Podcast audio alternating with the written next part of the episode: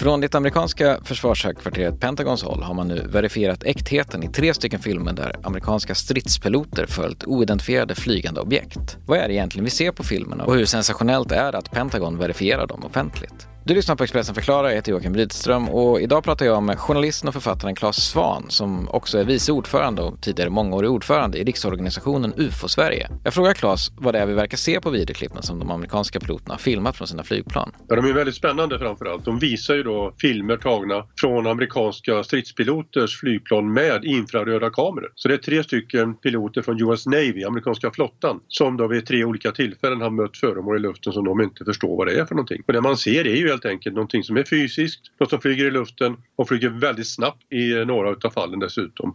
Och piloterna vet faktiskt inte vad det är de ser. Vid ett av tillfällena är det till och med någonting som kommer upp i vattnet och försvinner, eller hur? Ja, absolut. Eh, den mest kända filmen visar ju då tyvärr inte just den sekvensen. Det skulle man vilja se. Ja, väldigt gärna. Men eh, man ser slutet på den när ett föremål försvinner bort istället och sticker iväg väldigt snabbt åt vänster i bild. Så här. Den är tagen den 14 november 2004 och i samband med en händelse då utanför eh, Kaliforniens kust. Ett hangarfartyg som heter USS Nimitz då som ligger där på en övning. Och de ser då under flera dagar konstiga föremål som kommer ner från himlen väldigt snabbt och stannar till vid vattenytan. Och till slut skickar man ut då flygplan för att identifiera de här okända eh, fenomenen och föremålen. Och en av piloterna då beskriver sen hur de kommer fram till det här området och ser då nere i vattnet, för det som kokar nere i vattnet och det hänger ett runt eller diskusformat föremål som verkar vara på väg upp ur vattnet. Och till det så är det på väg upp ur vattnet. Och han tar upp jakten och de jagar varandra i någon sorts cirkelrörelse tills föremålet sticker iväg och han måste lämna det för bränslebrist. Har man på något sätt kunnat verifiera vad det var för någonting? Det enda man har kunnat säga är att det, det finns radarbilder på det. Det finns bilder då från de infraröda kamerorna på nästa flygplan som sedan övertar jakten. Det finns ögonvittnesskildringar från dels den här piloten då, och dels från ytterligare en pilot på ett annat flygplan. Och nu säger ju Pentagon att de här filmerna är äkta, att man inte vet vad det är. Och där står vi egentligen. Vi står med en ufo-gåta framför oss som vi inte har svaret på. Hur viktigt är det just att Pentagon nu verifierar äktheten i filmerna? Det är ganska viktigt faktiskt för att även om filmerna läcktes i december 2017, eller rättare sagt Louis Elizondo som var ansvarig för en del utav amerikanska försvarets ufo-undersökningar, han fick med sig dem ut. Han fick de här avhemligade helt enkelt och kunde då eh, publicera dem. Eh, att de nu går ut och säger att de här är på riktigt och att de inte är identifierade, det betyder ju att nu tar amerikanska försvaret den här ufo-fenomenen på allvar. Och det gjorde ju redan förra året då US Navy. Flottan gick ut och sa att våra piloter ska rapportera ufo-fenomen. Man ska inte tiga längre och det är ett stort steg framåt därför att det är stigmatiserande det här fenomenet. Det gör att många piloter har dragit sig för att berätta vad de ser. Men nu ska man alltså rapportera detta. Jag tycker att det här med Pentagon Pentagon-filmerna är ganska sensationellt. Just att amerikanska piloter följer något i luftrummet som de inte kan förklara och som de blir uppenbart just exalterade och förvånad över att följa. Är det ja. just sensationella filmer vi ser? Det är både ja och nej då. Filmerna i sig är väl eh,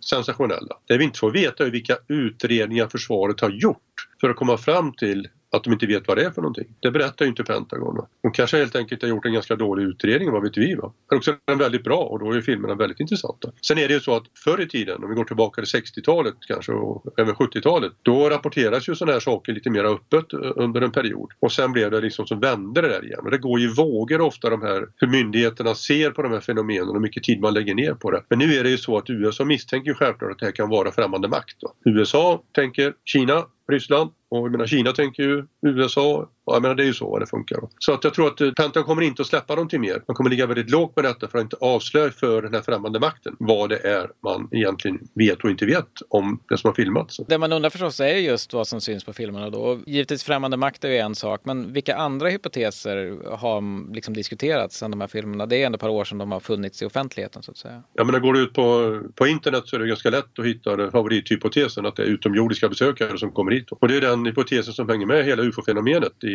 ja, sedan 1940-talet när det blev accepterat egentligen och började rapporteras på riktigt. Och det är klart, vad vet jag? Va? Det är inte min kanske första hypotes men det är i alla fall en hypotes som ju aldrig går att räkna ut helt och hållet och det är den som vanligt folk ofta tänker på när man pratar om UFO. Men många vill ju gärna tro att UFO-fenomen är just något utomjordiskt. Eh, kanske alldeles särskilt med tanke på hur rotad och framgångsrik själva storyn om UFOn och ja, militära konspirationsteorier möjligtvis då också är inom populärkultur. Men, men verkligheten är ju inte dikten så att säga. Och när man ser exempelvis videoklipp eller bilder bilder med oförklarliga flygande fenomen. Vilken mm. källkritik är det viktigt att man gör som, som privatperson i det läget när man ser sånt? Det är en jätteviktig fråga egentligen för vi lever ju vårt liv på nätet idag och många tittar kanske på Youtube och, och tar det som en någon sorts nyhetstjänst då, som dagens sanning till och med. Jag möts av väldigt många mejl och reaktioner från människor som har sett sånt och inte förstår vad det är de ser. Då. Det enklaste man kan göra det är ju att googla på det fenomen man tittar på som säkert har en titel på den här Youtube-filmen och så skriva ordet hoax, bluff efteråt. Då dyker det ofta, ofta upp sådana undersökningar som andra har gjort kring den här filmen eller det här fenomenet som berättas om. Det är i alla fall ett första steg för en privatperson att komma en bit på väg. Jag brukar ta kontakt med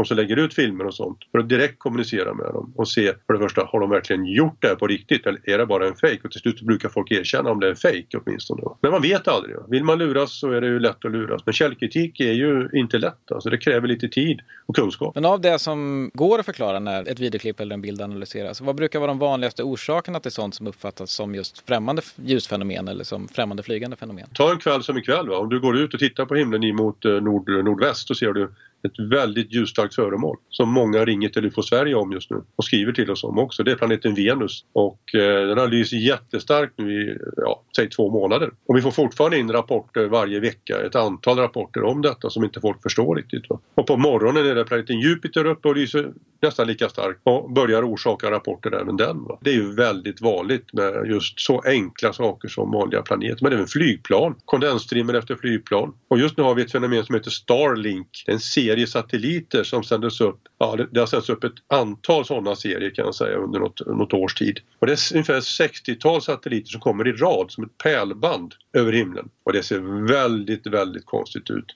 Och det kan man ju googla på Starlink då i så fall om man ser något sånt. Det finns till och med tidtabeller för man, när man kan se de här märkliga satelliterna. Men du nämner för Sverige. Vad är det, hur, för Sveriges verksamhet när det kommer till att leta upp och analysera olika vittnesmål eller bilder eller filmer? Hur, hur går det arbetet till? Ja, vi gör ju två saker egentligen. Vi jobbar ganska hårt på, på Facebook och på andra sociala medier att hjälpa folk att förklara saker, vad, vad de ser just då. Sen får vi in rapporter, åtminstone 250 rapporter om året, kanske upp på 300. Och eh, de mest intressanta går vi ju verkligen på djupet på. Då intervjuar vi folk, vi åker ut och träffar dem och tittar på platsen, vi, vi försöker att få en uppfattning om vad de egentligen har sett. Va? Och så kontrollerar vi mot våra källor. Det kan vara astronomer, det kan vara meteorologer, det kan vara fysiker, det kan vara...